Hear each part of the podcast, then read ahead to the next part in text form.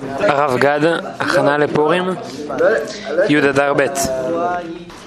ביידיש היו אומרים, כשהיו חוטפים מכות, אחד היה שואל את השני ככה, מה נשמע, והוא היה מרוט ושסוע וזה, הוא היה אומר, וואי, השם אוהב אותי. זה היה הביטוי. זה, זה פסוק, את אשר יאהב השם יוכיח. אנחנו מתפללים שהשם יאהב אותנו בדרך אחרת, לא בדרך הזאת.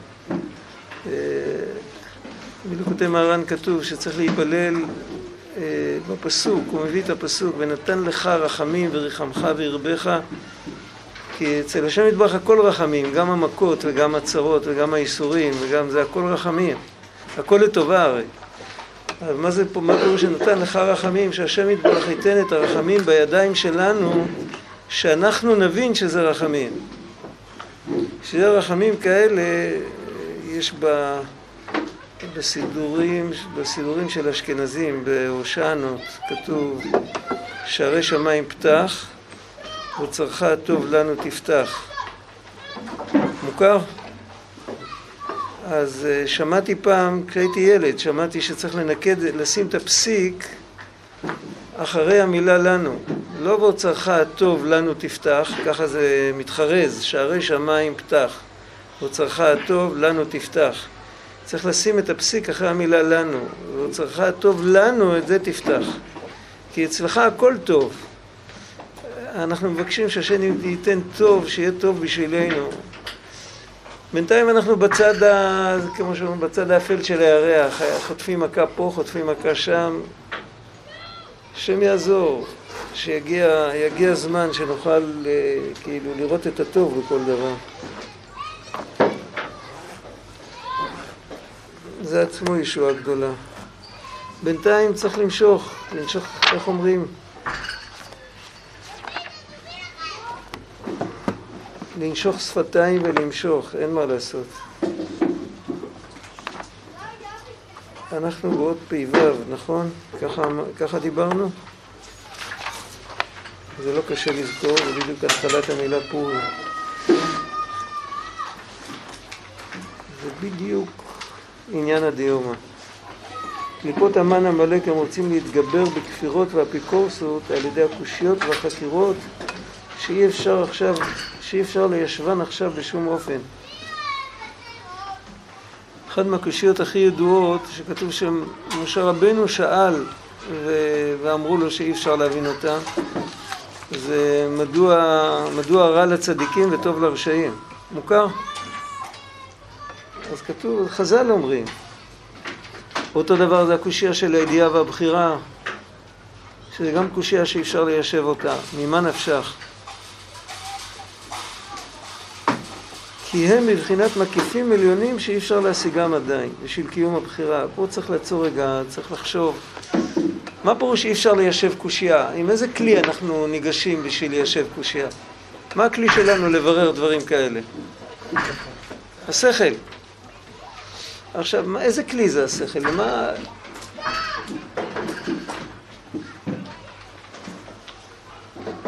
למה ברו את השכל? שמה הוא נברא? בשביל מה מייצרים פטיש, אתה יודע?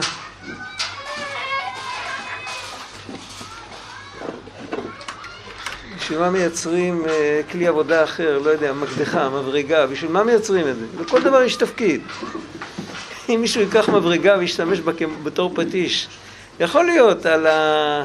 על, הכמה, ברג... על הכמה מסמרים הראשונים זה יעבוד לו, אבל אחר כך לא תהיה לו מברגה. הקדוש ברוך הוא נתן לנו כלים גם בגוף, עם העיניים רואים, עם האוזניים שומעים, מישהו יתעקש ורוצה לראות עם הרגל. זה לא שייך. את השכל הקדוש ברוך הוא נתן לנו בשביל לראות את ההתאמות של דברים בתוך העולם. מה מתאים למה? זה כמו אחד שיושב וממיין ברגים, איזה בורג, איזה מוטרה מתאימה לאיזה בורג. יודעים מה זה? כאילו, מה, העובי המתאים, מה ההברגה המתאימה, יש הברגות כאלה, יש הברגות אחרות, זה נראה אותו גודל, זה לא מסתובב. אז יש לך את החוש באצבעות, בעיניים, אתה יכול לראות מה מתאים למה. השכל זה המקום שבו אנחנו מרגישים בנפש מה מתאים ומה לא מתאים. שאתה, ואם זה לא מתאים, אז או שאתה כועס או שאתה צוחק, או שזה בדיחה או שזה טעות. אבל תמיד כשזה לא מתאים. אתה אומר דבר שזה לא מסתדר, אז... ואז זה, הדבר הזה הוא מופרך. ואם זה מתאים, אז אתה מציין על זה וי ואתה אומר שזה נכון, זה עבר את המבחן.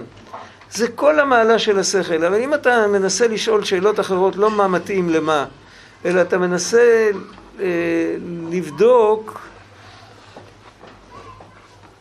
למה? יש לי חבר שסיפר לי שהוא היה, הוא למד בית ספר חילוני ב, ב, בתיכון והמורה שלו היה מורה חילוני, אבל הוא היה חילוני חכם. הוא לא האמין לגמרי ב... בתפיסות של העולם. הוא אמר להם בתחילת השנה, הוא היה מורה לפיזיקה, הוא אמר להם בתחילת השנה, אצלי תלמדו איך, אל תשאלו אותי אף פעם למה. כי למה אף אחד לא יודע? זה היה הקדמה שלו לכל שיעורי הפיזיקה. והוא צודק. כי אם אתה שואל למה, אפשר להסביר על... השאלות הראשונות למה, אפשר תמיד להסביר. אבל אם אתה ממשיך לשאול וזה למה, כן, על התשובה אתה שואל הלאה וזה למה, וזה למה, וזה למה, בסוף אתה מגיע לאקסיומה. ככה זה, וזהו, אף אחד לא יודע. אז למעשה כל מה שדיברנו כל הזמן, כל הלמות האלה, זה הכל היה רק איך זה עובד בגלל, יש תנאים כאלה ואחרים שזה מסתדר עם זה ועם זה זה לא מסתדר ושלום על ישראל. והשאלה למה היא שאלה שהיא, השאלה למה זה על עצם הבריאה. השאלה למה היא שאלה מבחוץ. השאלה איך היא שאלה אחרי ששני הדברים נמצאים כבר. אז אתה שואל איך מחברים אותם, איך מפרידים אותם, איך מסתדרים איתם. אבל כשאתה שואל למה, אתה שואל על עצם הדבר, מאיפה זה הגיע בכלל. עצם הדבר מאיפה זה הגיע, אז אתה יוצא מחוץ למסגרת שבו הדבר מתרחש. כשאתה יוצא מחוץ למסגרת, שם יש, לגביך, יש שם אין כניסה. אין לך כלי לצאת מחוץ למסגרת הזאת. מחוץ למסגרת הזאת אתה פוגש מין חלל פנוי כזה, שאין שם חוקים ואין שם כלום.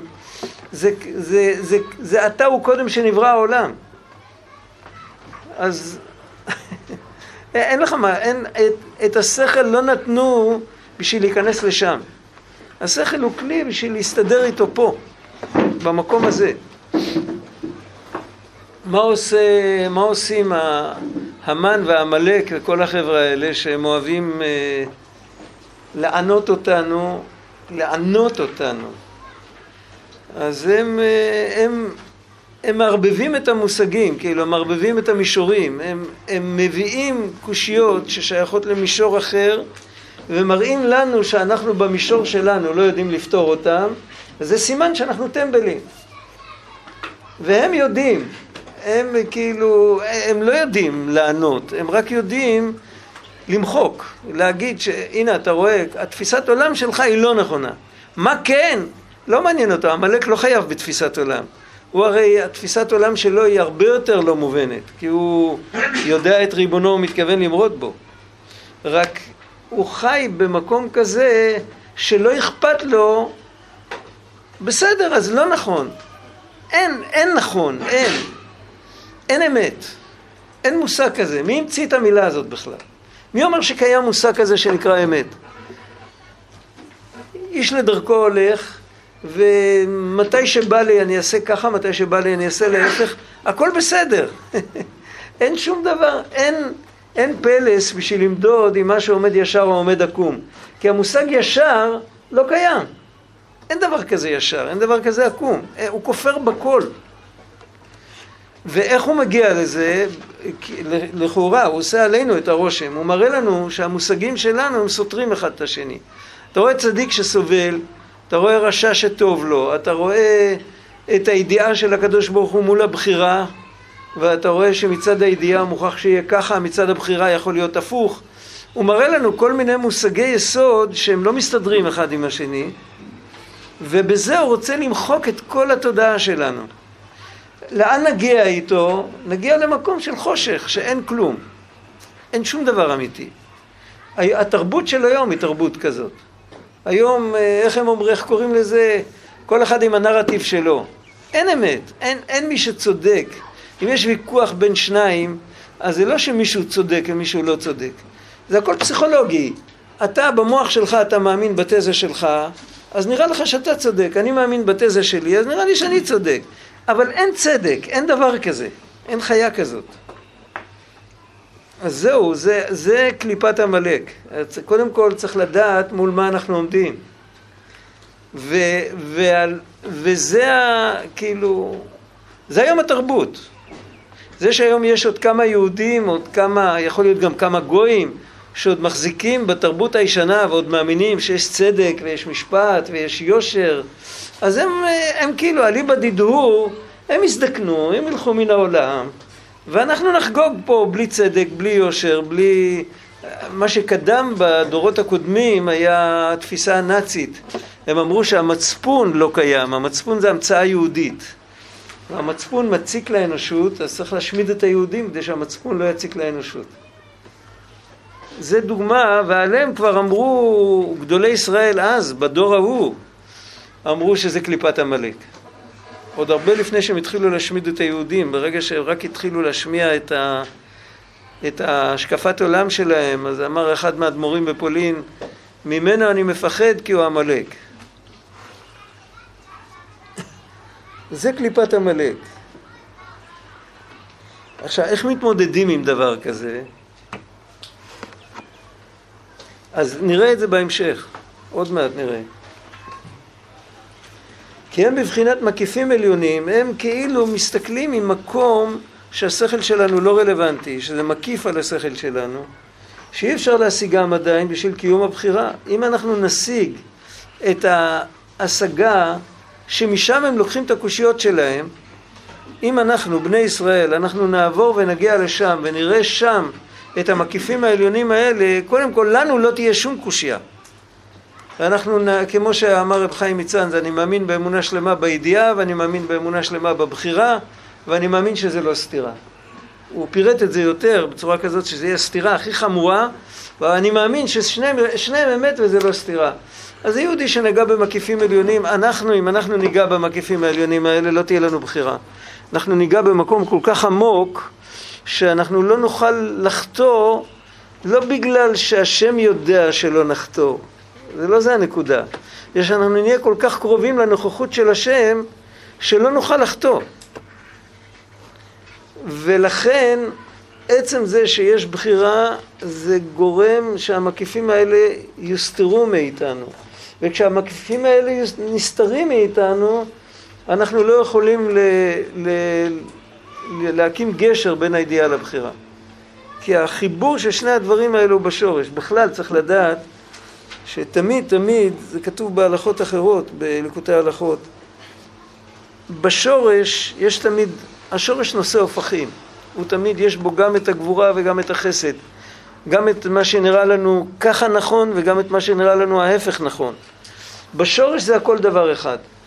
רק, ואם נוגעים בשורש, אז אפשר, יש את זה גם בהקדמה של ביור הליקוטים, באחד מהכללים, כותב, אה, יש דברים שלדעתנו הם הפוכים, ובדעת הבורא יתברך הם דבר אחד, ויש דברים שלהפך, שבדעתנו הם דבר אחד, ובדעת הבורא יתברך זה שני דברים הפוכים. ומאיפה הוא לקח את זה? אז יש בליקוטי ההלכות, רבי נתן אומר, יש דברים שבשביל להתחבר איתם צריך את הכוח של השורש. יש דברים שבשביל להיפרד מהם לשלום צריך את הכוח של השורש. כי כשמגיעים לשורש, אז מגיעים למקום שבו אפשר לעשות את התיקון האמיתי. את מה שצריך לחבר אפשר לחבר, לא חייבים לחבר, אבל אפשר לחבר. ואת מה שרוצים להפריד, אפשר להפריד. עכשיו, מה, מה המשמעות של זה? מה יותר נכון, להפריד בין דברים או לחבר בין דברים? או מה יותר נכון? אתם זוכרים, דיברנו פעם על אחד שתופס הברגה עקום? זוכרים את הדוגמה? אז תגידו, מה נכון? יש לי בקבוק ו- ופקק ואני, ואני מבריג את זה ביחד, זה נכון לסגור את הפקק אחרי השימוש? כן, שלא ייכנס לכלוך, נכון, כן, אבל אם תפסתי את ההברגה עקום, מה נכון לעשות? מה? לשחרר, לפתוח, אחרי זה לסגור ישר. כל הדברים שהם מחוברים לא נכון, כמו אה, רבי נתן מדבר על זה בחלק אבן העזר, נגיד אה, זיווגים לא נכונים, כהן שנושא גרושה, דברים כאלה שהם אסורים על פי תורה, או יהודי שלוקח גויה. הדברים האלה זה כמו אחד שתופס הברגה עקום. זאת אומרת, הוא מחבר, הוא מחבר משהו בכוח, הוא מחבר משהו לא מתאים. ואז, כדי, כדי להפריד אותם, אז צריך את הכוח של השורש. יהודי שזוכר שיש לו את הכוח של השם יתברר, יכול להתגבר על עצמו. אחרת בית דין צריכים להתערב, צריכים להפריד אותם, זה, אבל הכל תמיד צריך את הכוח של השורש. אותו דבר להפך, יש לפעמים שאותו דבר גם בגיטין, או גט, או מיתת הבעל, שמפרקת אה, חיבור. אז הוא גם מסביר שזה הכוח של השורש, זה הסבר יותר עמוק, זה ארוך. אחר כך אה, נגיד כל חתונה כשרה, החיבור בגלל שבשורש הם מחוברים. אם לא היו מחוברים בשורש הם לא יכולים להתחבר פה. כי אין דעותיהם שוות. זה בכלל שבני אדם יכולים לסבול אחד את השני, זה בגלל שבשורש הם כולם באים מהאדם הראשון. ובשורש, בשורש למעלה הם כולם אחד.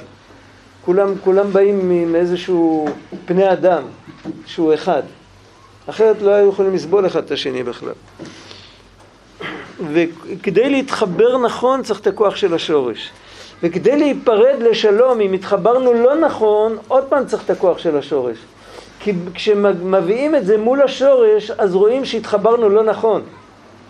כשזה פה למטה, זה רחוק מהשורש, לא תמיד מבחינים שהחיבור הוא לא נכון. זה ברור. רק כשזה עומד מול השורש, אז רואים את ה... איך החיבור האורגינלי היה צריך להיראות. ובמקרה הזה הוא לא יכול, הוא, הוא איננו. אז, אז אה, יודעים שזה לא נכון. וככה זה, זה, ככה זה בין אדם לחברו, וככה זה בין אדם להתנהגויות שלו. יש לפעמים התנהגות שבן אדם צריך לאמץ אותה, ויש לפעמים התנהגות שבן אדם צריך להיפרד ממנה לשלום. הרב, בשביל זה יש את ההלכה, לא? ההלכה היא מברכת. ההלכה משקפת לנו את השורש. לא, אתה לא, אבל ההלכה אומרת לך, תעשה מעשה מסוים כזה, הוא מביא שם דוגמה של וחלצה נעלה וירקה בפניו.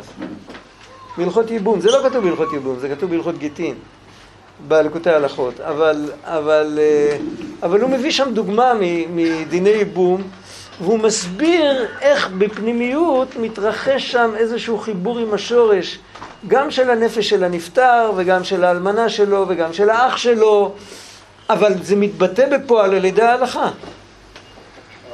אבל ההלכה היא מכוונת לגמרי לאיך שזה בשורש. ולכן, כש...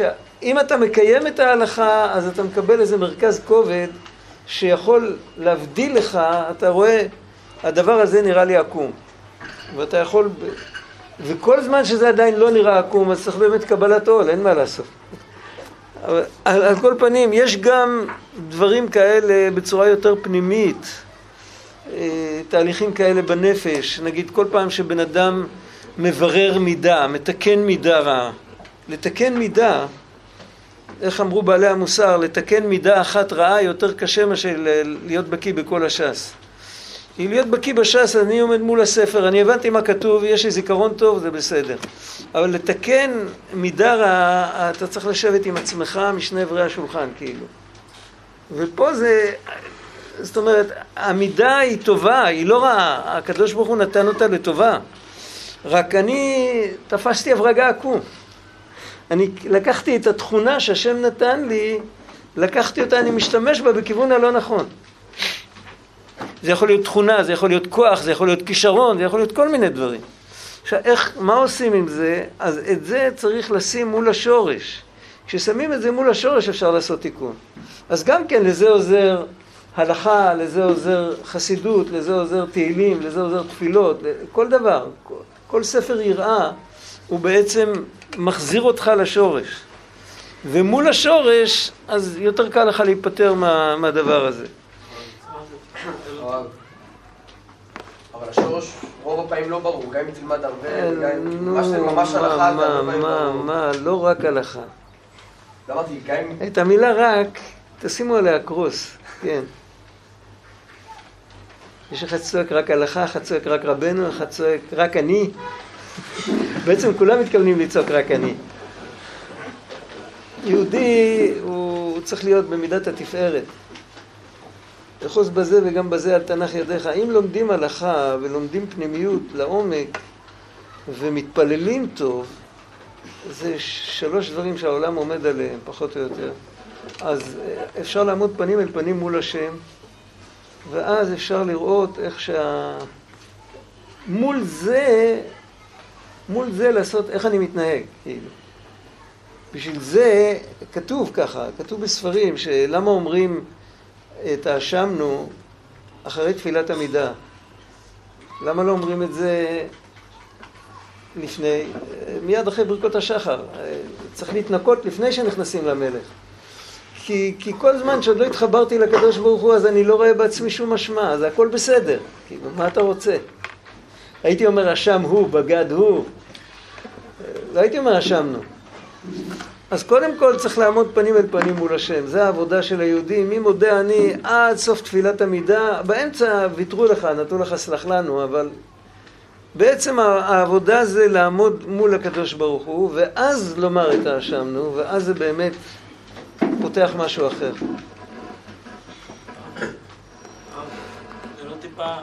לא אמר לו שבשורש באמת כל הדברים הם...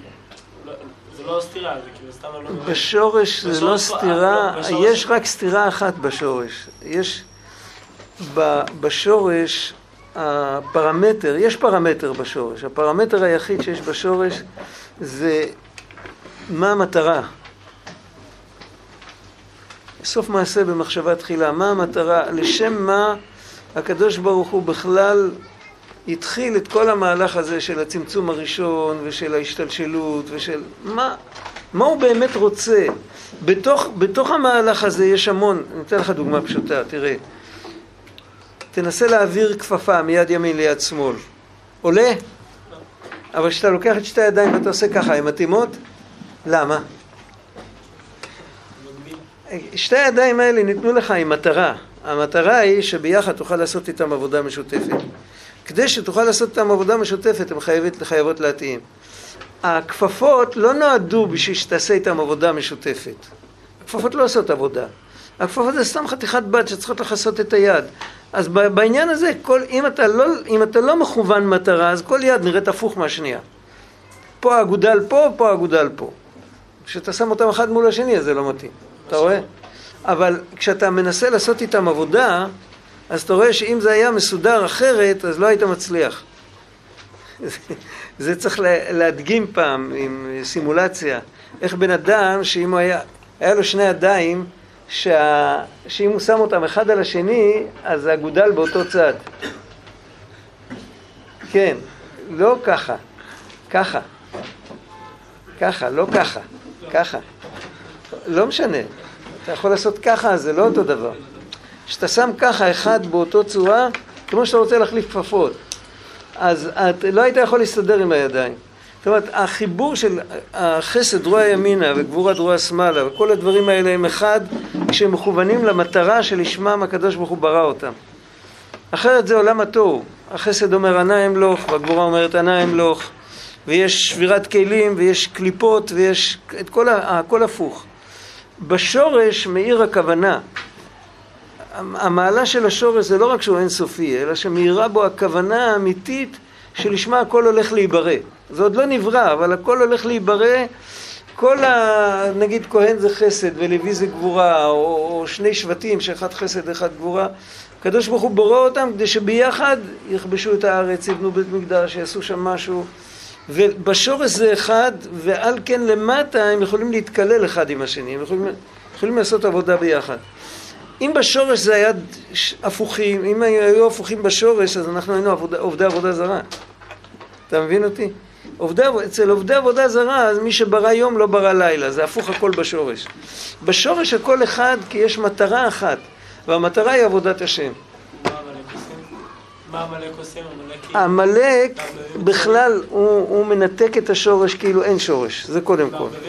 כאילו אה, הוא, הוא, הוא מגיע עם השכל, כאילו שהשכל זה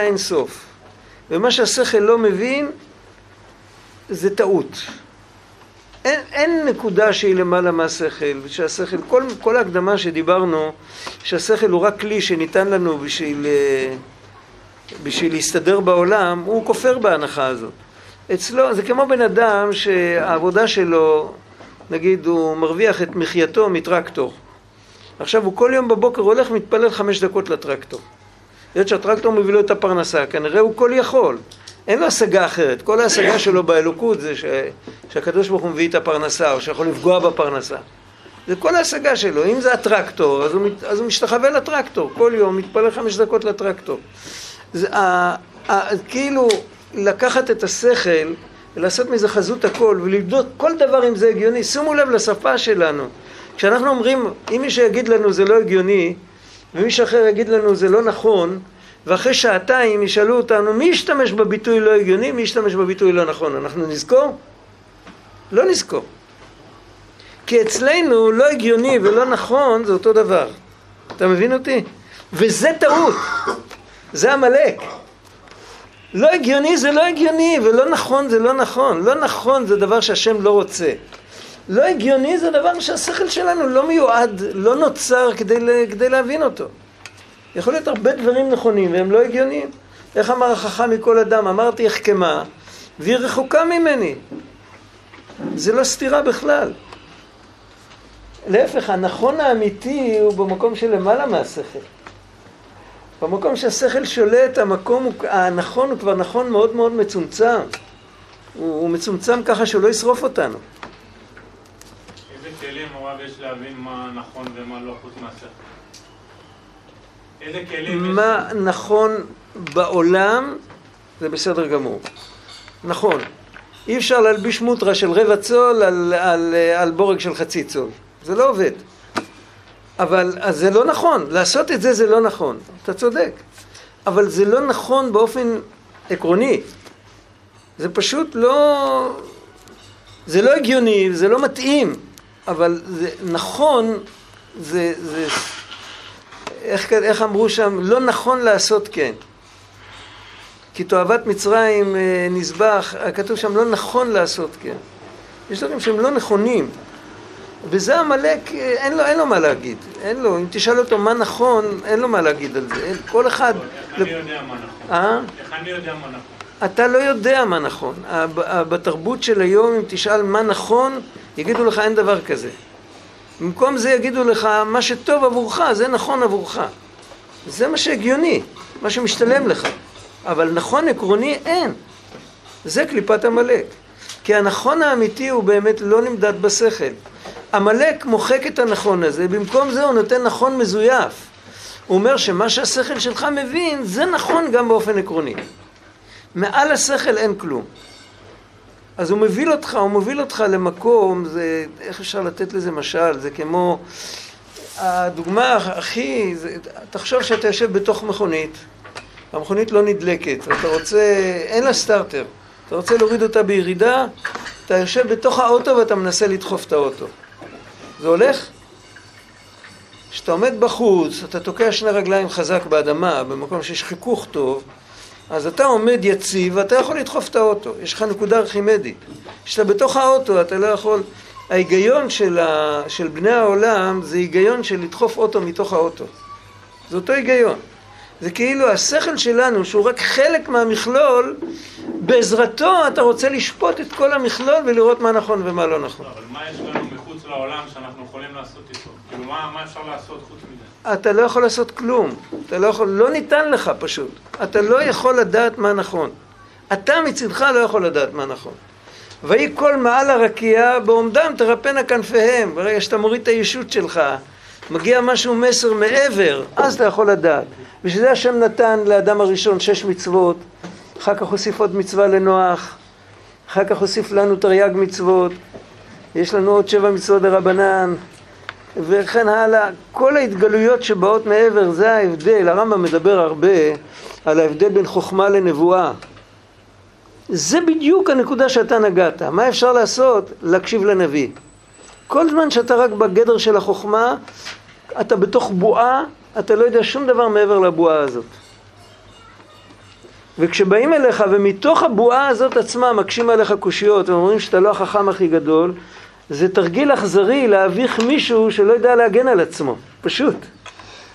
זה ברור? אתה לא אמור לדעת. אתה בתוך בועה, אתה אמור לדעת את החוקיות של הבועה, אתה לא אמור לדעת מה שמעבר. וכשמראים לך שכל מה שאתה יודע זה לא נכון בגלל שאתה לא יכול לפרק את הקושיות הגלובליות האלה, זה פשוט, זה התעללות. זה... הרב, כן. זה אומר שאי אפשר להגיע לוודאות בעולם הזה? ל... ודאות. אתה יכול, הקדוש ברוך הוא יכול לתת לך ודאות. אתה מצידך להגיע לוודאות, מה פתאום? מה פתאום?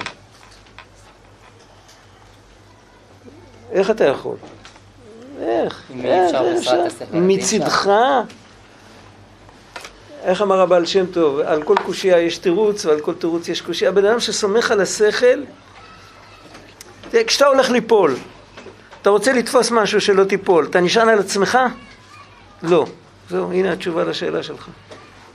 למה השם לא ברא דבר כזה שאני אוכל להישען על עצמי ולא ליפול? זו השאלה שאתה שאלת וזו השאלה שאתה שואל. אבל ברגע שאתה הולך ליפול אתה מרגיש שאתה צריך משהו מחוץ לעצמך. השכל זה אנחנו. ברגע שאנחנו רוצים לברר את האמת, אנחנו צריכים להישען על משהו שזה לא אנחנו. אנחנו לא יכולים גם להיות המשענת וגם להיות מי שנשען. זה פשוט לא הולך. זה לא הגיוני. יש כאן כשל לוגי. בן אדם שחושב שאת הכל הוא יכול לשפוט עם השכל שלו, אין טעות הגיונית יותר גדולה מזה. גם את המסרים שמעבר אנחנו יכולים לנתח רק עם השכל. נכון, בסדר, אז אה, חלק מזה זה מצומצם ואפשר לקבל את זה עם השכל. ויש חלק שנשאר תמיד לאמונה. ככה זה, הבן אדם עובד את השם עם השכל ועובד את השם עם האמונה. עם השכל הוא יכול להבין שזה נפלא ושזה גדול. בדיוק איך ומה הוא לא יכול להבין שום דבר. את זה הוא משאיר לאמונה. זה לא צריך להפריע. כשאתה הולך ליפול, אכפת לך אם אתה נשען על קיר או על שולחן, העיקר שלא נפלת. אתה צריך לדעת מאיזה חומר זה עשוי כדי שלא תיפול. אתה לא חייב לדעת. אבל העיקר שזה לא, לא תישען על עצמך.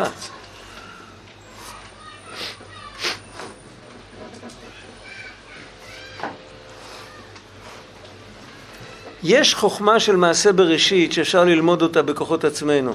מה שכתוב באיוב, מלפנו מבהמות הארץ, אלמלא ניתנה תורה, היינו יכולים ללמוד, אה, איך כתוב שם, מבעלי חיים. הגמרא אומרת, כולם מכירים את זה. יש דבר כזה, אבל זה בתוך. בתוך העולם, הכל בתוך העולם. אז היינו בעל חי מפותח. אבל באמת, לדעת את באמת מה התפקיד שלנו ואיך אנחנו יכולים לתקן את העולם ומה אנחנו מחפשים פה בכלל, למה בכלל, על מה ברו אותנו, זה לא, זה לא חומר שאפשר, זה לא צודק לתת לשכל לעשות את העבודה הזאת. כמו לשים 60 קילו על גב של ילד בן שלוש, זה, זה פשוט לא צודק, זה לא נכון. אז למה אומרים שחכם עדיף מנביא? אה? אומרים שחכם עדיף מנביא, נכון? חכם עדיף מנביא, יש איזה ביאור באיגרת הקודש בתניא, תחפש שם במפתח העניינים, תסתכל על זה טוב, תבין למה זה, זה לא. בעצם מתכוונים לומר שם שחוכמה היא עדיפה מנבואה, שאת המדרגות הנמוכות שאתה יכול להשיג עם החוכמה, אתה משיג אותה באופ... אתה משיג אותם באופן כזה שזה הרבה יותר קרוב אליך מאשר הנבואה. אבל לא שהחוכמה יותר אמיתית מהנבואה. זה משהו אחר. אתה יכול גם בצורה כזאת להגיד שהגשמי עדיף מרוחני, כי את הגשמי אתה יכול לנגוע בידיים. זה עוד סיפור. אבל זה לא אומר שבעצם הגשמי יותר גבוה.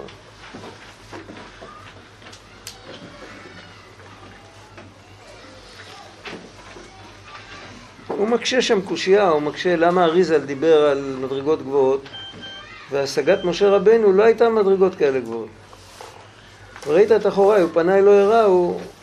אז זה מכוון על, על איזה מדרגות בעולם האצילות, משהו... וה... דיבר על מדרגות של למעלה מהאצילות. איך יכול להיות שאריזל השיג מדרגות שמשה רבנו לא השיג? זה לא יכול להיות. משה רבנו הוא רבן של כל הנביאים, ולאף אחד אין השגה כמו משה רבנו. אז הוא מסביר שם שמשה רבנו בהשגה שלו השיג הרבה יותר מהאריזה. רק בנבואה הוא לא יכל להשיג יותר מאשר את המדרגות האלה. המדרגות בנבואה מצמצמים את זה בצורה כזאת שזה יהיה כאילו הוא רואה. אז לכן זה, זה חייב, לה... עם חוכמה אפשר לדבר על הכל, אבל אי אפשר להבין את הכל. בהבנה למה ואיך החוכמה נעצרת הרבה קודם. אפשר להשיג שיש דבר כזה ולהתפעל מזה ולדרוש על זה דרשות ולהוזיל דמעות ולהיכנס לדבקות והכל בסדר.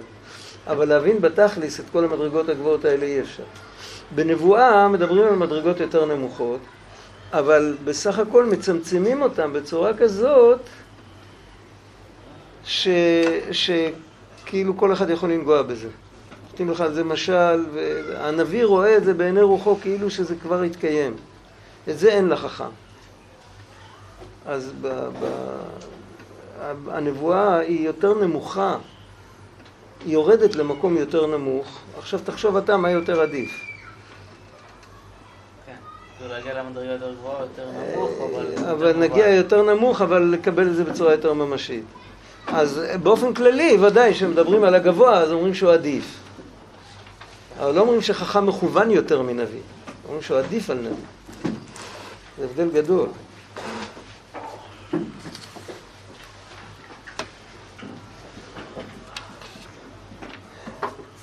והם בבחינת עתיק, בבחינת עתיקה, תמיר וסתים. זה יתגלה רק לעתיד לבוא.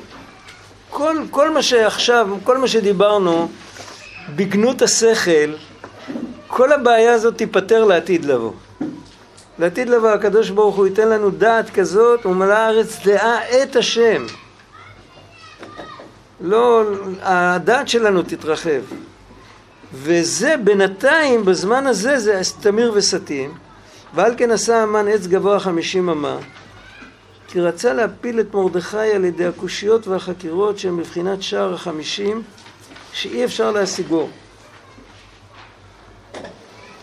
על השער החמישים אמרו בעלי הדרוש, וגם גדולי ישראל בימי הביניים שכתבו על עניינים כאלה, כתבו שהשער החמישים זה השגת הבורא על אמיתתו. זאת אומרת להשיג את מה ש... יותר גבוה מהמציאות של העולם. מה שלא ניתן, המדרגות האלה שלא התלבשו בתוך המציאות של העולם. וזה נקרא השער החמישים, ואת זה אי אפשר להשיג בזמן הזה.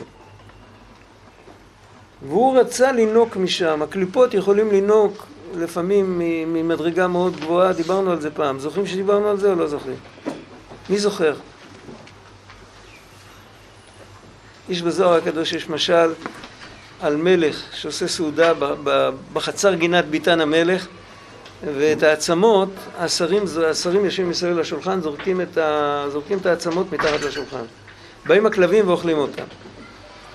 וזה המשל על, על, על, על האור והחיות שנמשך לעולם של הקדושה ועל מה שהקליפות מקבלים. העצמות מתחת לשולחן, זה מגיע לקליפות. למה הקליפות צריכים? כי צריך כלבים בחצר המלך. הם השומרים. זאת אומרת, כדי, שה, כדי שהבן אדם יעבוד את השם בבחירה, הוא צריך יצר הרע. היצר הרע יונק מהקליפות, אז צריך שיהיה קליפות. אבל מה יהיה אם מישהו חוטא? אז אם הוא חוטא בגאווה, אז זה כאילו שהוא לוקח את הכלב והוא שם אותו על כיסא ריק ליד השולחן ונותן לו מנה על השולחן. כן, זה, זה חטא של גאווה. וחטא של תאווה, אם בן אדם חוטא בתאווה, אז כאילו שהוא לוקח מנה טובה מהשולחן, והוא זורק מתחת לשולחן לכלבים. בשני הדברים האלו הוא פוגם בכבוד המלך. במה הוא פוגם יותר? בגאווה, זה ברור לגמרי. עכשיו, אם, ה, אם ה, האדם פגם בתאווה, וכאילו זרק מנה טובה מתחת לשולחן, אז הקליפות מקבלים יותר יניקה, כמו שהכלב מקבל שם יותר אוכל. הקליפות מקבלים יותר יניקה, וזה מגביר את כוח של אומות העולם, זה מגביר את הכוח של כל היצרים בישין. יכול להיות שאם בן אדם אחד יורד, אז כל ישראל ערבים זה בזה, ומעורבים זה בזה, אז יכול להיות שאם אני חוטא, אז לך יותר קשה אחר כך.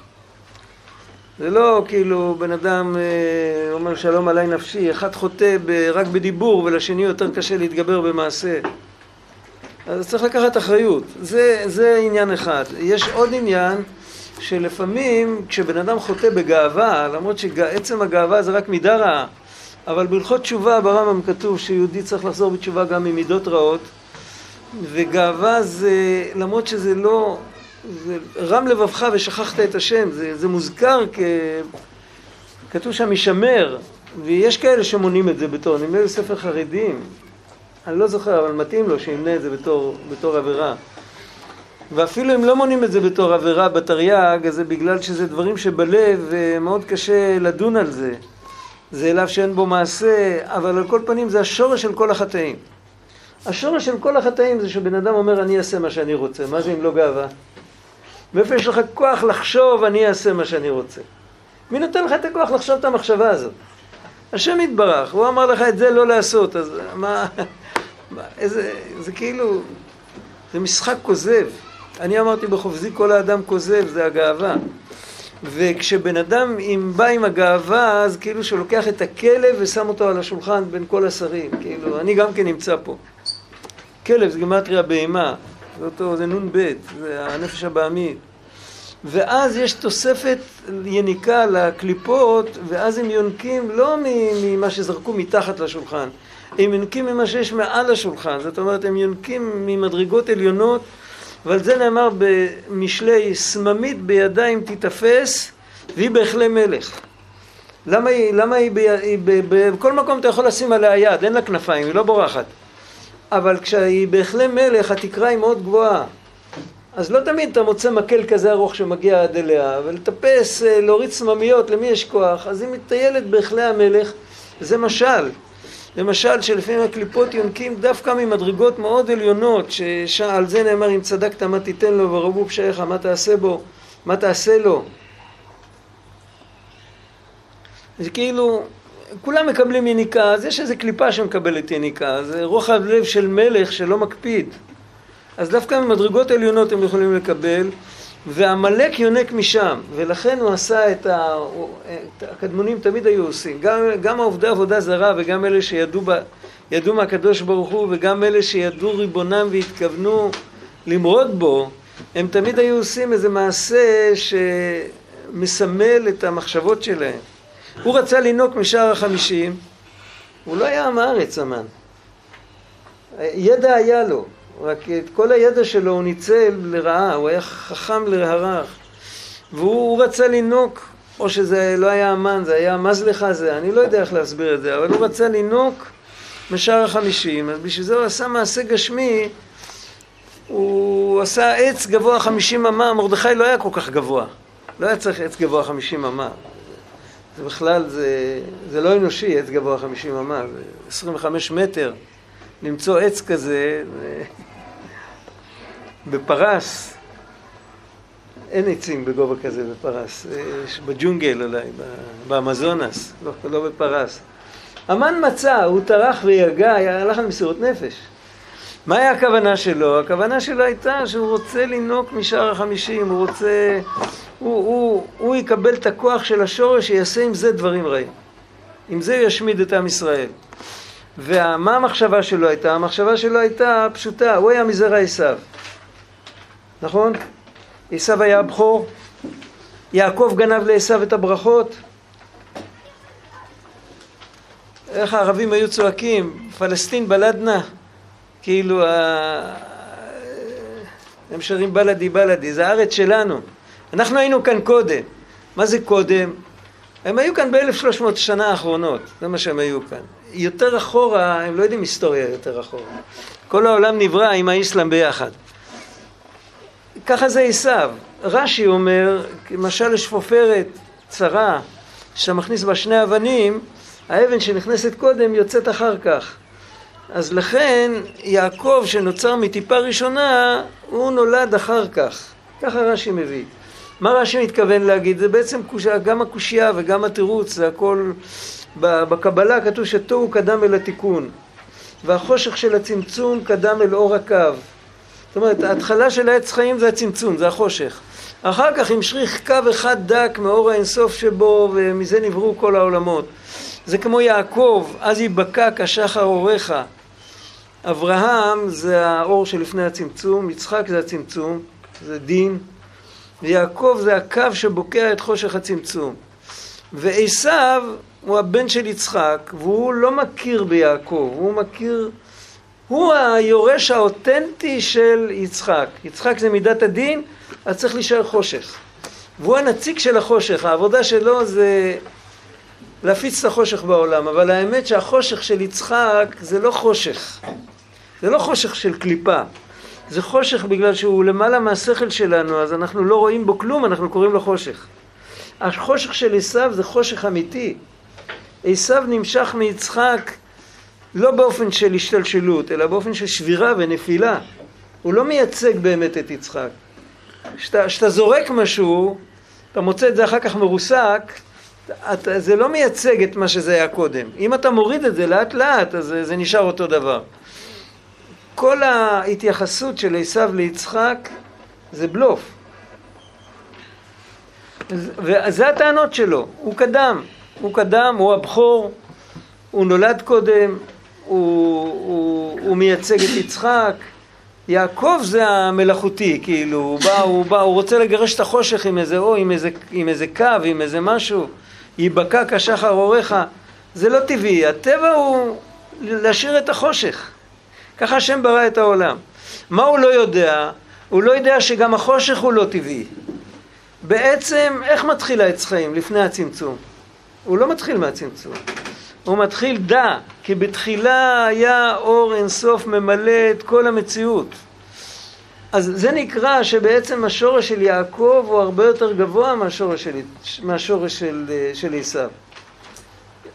אברהם קדם ליצחק. ההתחלה של הכל זה חסד, והסוף של הכל זה אור כזה שאנחנו נוכל לקבל אותו. באמצע חייב להיות צמצום, כי אם לא יהיה צמצום, אז יישאר האור הכללי, ואת זה אנחנו לא יכולים לקבל עכשיו. מה המטרה של הצמצום? המטרה של הצמצום שלעתיד לבוא יתגלה הכל. זה המטרה. וזה כתוב, כל זה כתוב בליקוטי הלכות, בהלכה אחרת.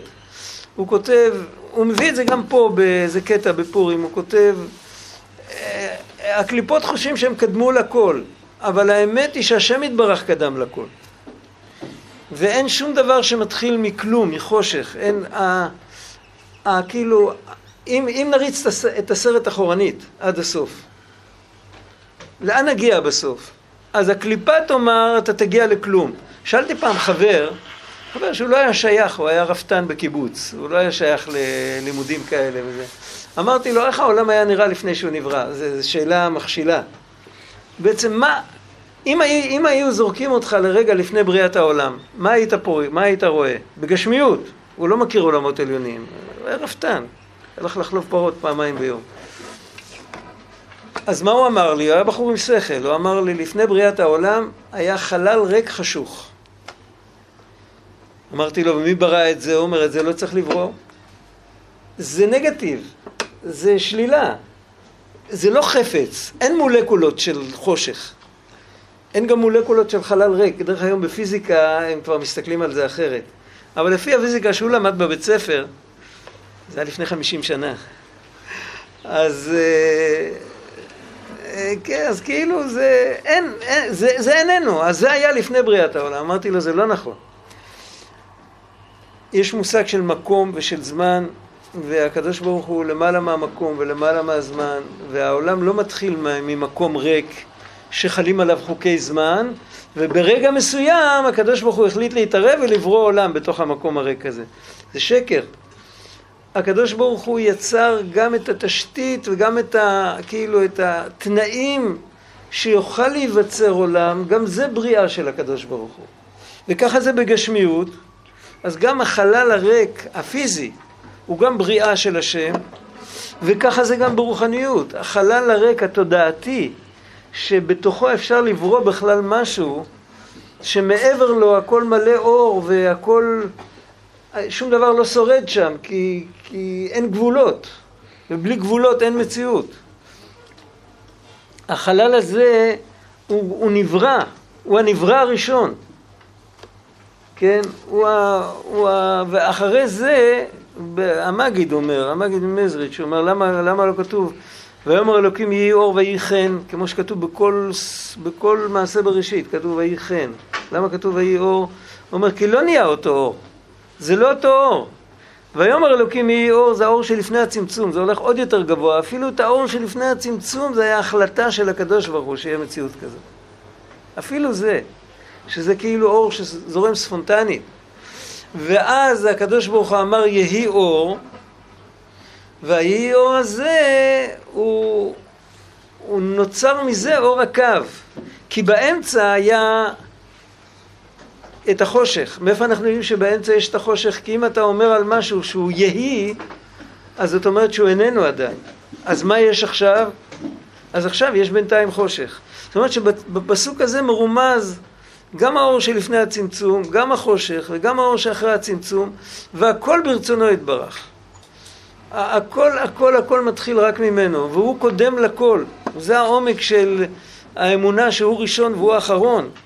שאם אתה מריץ את הסרט או אחורה עד הסוף, או קדימה עד הסוף, תמיד תמיד, או בהתחלה לגמרי, או בסוף לגמרי, אתה פוגש אך ורק את השם יתברך, ולא שום דבר אחר. זה האמונה שלנו. ואת זה עשיו מנסה להכחיש, ועל זה הוא נקרא עמלק, הוא מנסה למלוק את הראש מהגוף. עכשיו, איך אפשר באמת לתרץ את כל הקושיות שלו? מה באמת ה... לא יודע אם נגיע לזה בפנים, מומלץ לקרוא את זה עד הסוף, את הקטע הזה, עוד פ"ו. והשעון פה הוא כבר קרוב לקצה, הוא מדויק.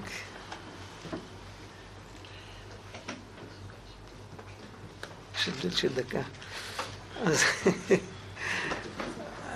הוא נותן עוד דקה. אה, בקיצור, הבעיה הזאת, השורש של, ה, של העניין הזה פה הוא בשתי מקומות, בתורה ס"ד בליקוטי מהר"ן, שם כתוב חלק ממה שדיברנו, ובליקוטי הלכות יש עוד את זה הרבה, אבל זה לא השורש, זה עצמו ליקוטי הלכות. השורש של זה, זה יש שיחה בשיחות הר"ן, לא רחוק מההתחלה, לא זוכר איזה עוד זאת, ה', ד', אני לא זוכר, אחרי השלוש הראשונות, אם אני זוכר נכון, הוא מדבר שם על זה שיש לפעמים שמישהו בא ומקשה קושיות. ו... ומתרצים לו את הקושיות. זאת אומרת, בא תלמיד, בוא נגיד, אתם כולכם תהיו רבנים בעוד, אני לא יודע באיזה איזה רבנים של מה, אבל uh, כל אחד בעניין שלו. גם כל יהודי טוב, כשהוא יוצא למילואים, אז הוא הופך להיות רב של כל החברים שם. יש המון שעות שעומדים ומדברים ביחד. בכל מיני מוצבים, בכל מיני מקומות. צריך לשמור על קו, יוצאים לתעסוקה, יש המון זמן, עומדים, מקשקשים. אז כל אחד מכם יהיה באיזשהו שלב אה, משפיע של המון יהודים, כל פעם אתה מוצא מישהו אחר. אז אה, תמיד עולות הקושיות האלה, תמיד עולות קושיות כאילו כמו ידיעה ובחירה וכמו צדיק וטוב לו ורש... צדיק ורע לו ורשע וטוב לו ועוד כל מיני קושיות, כל מיני דברים ויש אנשים שנופלים במלכודת הזאת ועונים תירוצים, יש תירוצים בספרים. יש, על כל דבר יש תירוצים. אז הוא כותב שם שזה לא נכון.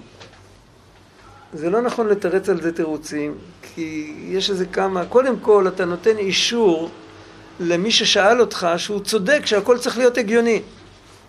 אתה נותן אישור, הרי מאחורי הקושיות מסתתרת תפיסת עולם שגויה. הוא בטוח שהכל אמור להיות הגיוני, ועל הבסיס הזה הוא שואל את הקושיות שלו. אתה לא אמור להסכים איתו שהכל אמור להיות הגיוני, כי זה הפך האמונה. זה לא נכון. את ההיגיון השם ברא בשביל להשתמש בו פה בעולם. זה לא ההיגיון הבריא שלנו לא אמור לפתור לנו את כל הבעיות העקרוניות שיש בעולם. זה דבר אחד. דבר שני, הבן אדם שעומד מולך, יכול להיות שכרגע הוא מקבל את מה שאתה אומר לו, אבל בעצם, בעצם אתה מורח אותו. אתה באמת לא יודע. אתה אומר, על כל התירוצים שאתה תתרץ לו יש קושיות. וכשהוא יתפתח, והוא יגדל כמו שאומרים, אז הוא יבין שאתה סתם ערכת אותו, ואז הכפירה שלו תהיה רק יותר גדולה. אז מה כן צריך להגיד לו? אז, אז הוא אומר שם דבר פלא, ורבי נתן כותב את זה גם פה, כאן זה כתוב בקיצור, בהלכה עצמה זה כתוב יותר באריכות. יש דרך להסביר לבן אדם בצורה הגיונית שההיגיון לא אמור לפתור את כל הבעיות שבעולם. אבל את זה צריך להסביר עם היגיון. זה ברור? לא להגיד לו אסור להקשות קושיות. הרבה הרבה ילדים טובים אה, נפלו, ירדו מהדרך, ירדו מהיהדות בגלל שהם היו ילדים קטנים בבית ובתלמוד תורה אמרו להם שאסור לשאול שאלות. ואחר כך הם גדלו אפיקורסים. זה לא נכון שאסור לשאול שאלות, הילד צריך לשאול. להפך, מי שלא שואל אז צריך לטפל בו באופן מיוחד, שאינו יודע לשאול אז זה יוצר איזה בעיה. הוא מצידו צריך לשאול, אפילו אם זו שאלה של רשע, זה לא משנה. מה שצריך זה צריך את התשתית, לטפל בתשתית של השאלה שלו. רב גדליה במכתבים שלו עושה הרבה. הרבה פעמים שמישהו שואל אותו שאלה, ראיתם את המכתבים של רב גדליה קיניק? לא ראיתם. מי שלא ראה חבל, הוא מפסיד. הוא, זה סדרת חינוך, מה שנקרא. הרבה פעמים הוא, הוא מנתח את השאלה, לא על, הוא לא נכנס לשאלה ששואלים אותו, הוא, הוא מנסה להבין איזה תפיסת עולם היה לבן אדם שבעקבות התפיסת עולם הזאת הוא שואל את השאלה. ואז הוא מפרק לו את התפיסת עולם שלו. הוא, הוא משמיט מתחתיו את הבסיס. ואז השאלה נפתרת מאליה. והוא כותב את זה באריכות, הוא אומר משמע מהשאלה שלך, שזה וזה פשוט לך, וזה וזה פשוט לך. עכשיו, כל מה שנשאר זה רק הנקודה ששאלת. אבל בוא נראה אם ההנחות האלה שאמרת שהם פשוטים, הם באמת פשוטים. ואז הוא עושה את זה גם, גם כששואלים אותו שאלה בגמרא וגם כששואלים אותו שאלה בתניא וגם כששואלים אותו שאלה בלקוטי מהר"ן וגם כששואלים אותו שאלה ביהדות, בסתם, בסידור, בכל מיני מקומות. הוא עונה על כל מיני שאלות ו- ותמיד הוא מחפש את השורש של הטעות של הבן אדם, הוא לא משאיר אותו עם הטעות, הוא מורח אותו עם, עם קושייה. ואת זה אפשר לעשות. אפשר להסביר עם היגיון שהשכל שלנו הוא לא חזות הכל. זה ברור, ואת זה צריך לעשות, את זה הוא אומר, בכוח מה אפשר לעשות את זה? לכאורה איך זה מתקבל? הרי בן אדם שמולי יכול לצעוק שאני עוד פעם שאני מורח אותו, נכון? זה מאוד, מאוד הגיוני שהוא יגיד ככה. אז הוא אומר ככה, הוא אומר יש נשמות שהשורש שלהם הוא מלעתיד לבוא. הם בעצמם חיים בזמן הזה והם לא יודעים לענות תשובה על השאלות האלה, כי התפיסה שלהם היא תפיסה של הזמן הזה. אבל בגלל שהשורש שלהם לעתיד לבוא, אז את הכוח הזה הם קיבלו, שהם יכולים להסביר מדוע השאלות האלה הן לא רלוונטיות, הם לא, השכל הוא לא רלוונטי בשביל לפתור שאלות כאלה. ואחד מהם היה מרדכי הצדיק, ועם הכוח הזה הוא התגבר על המן. כי המן לא רק היה להשמיד להרוג בגשמיות, המן גם ניהל הוא רצה להעביר את היהודים לצד שלו, התכלית שלו לא היה שהם ימותו, התכלית שלו היה שהם ישתמדו. הוא רצה להחריט שם ישראל מן העולם, לא את הישראלים הפרטיים. לא זה מה שעניין אותו, הוא לא היה היטלר.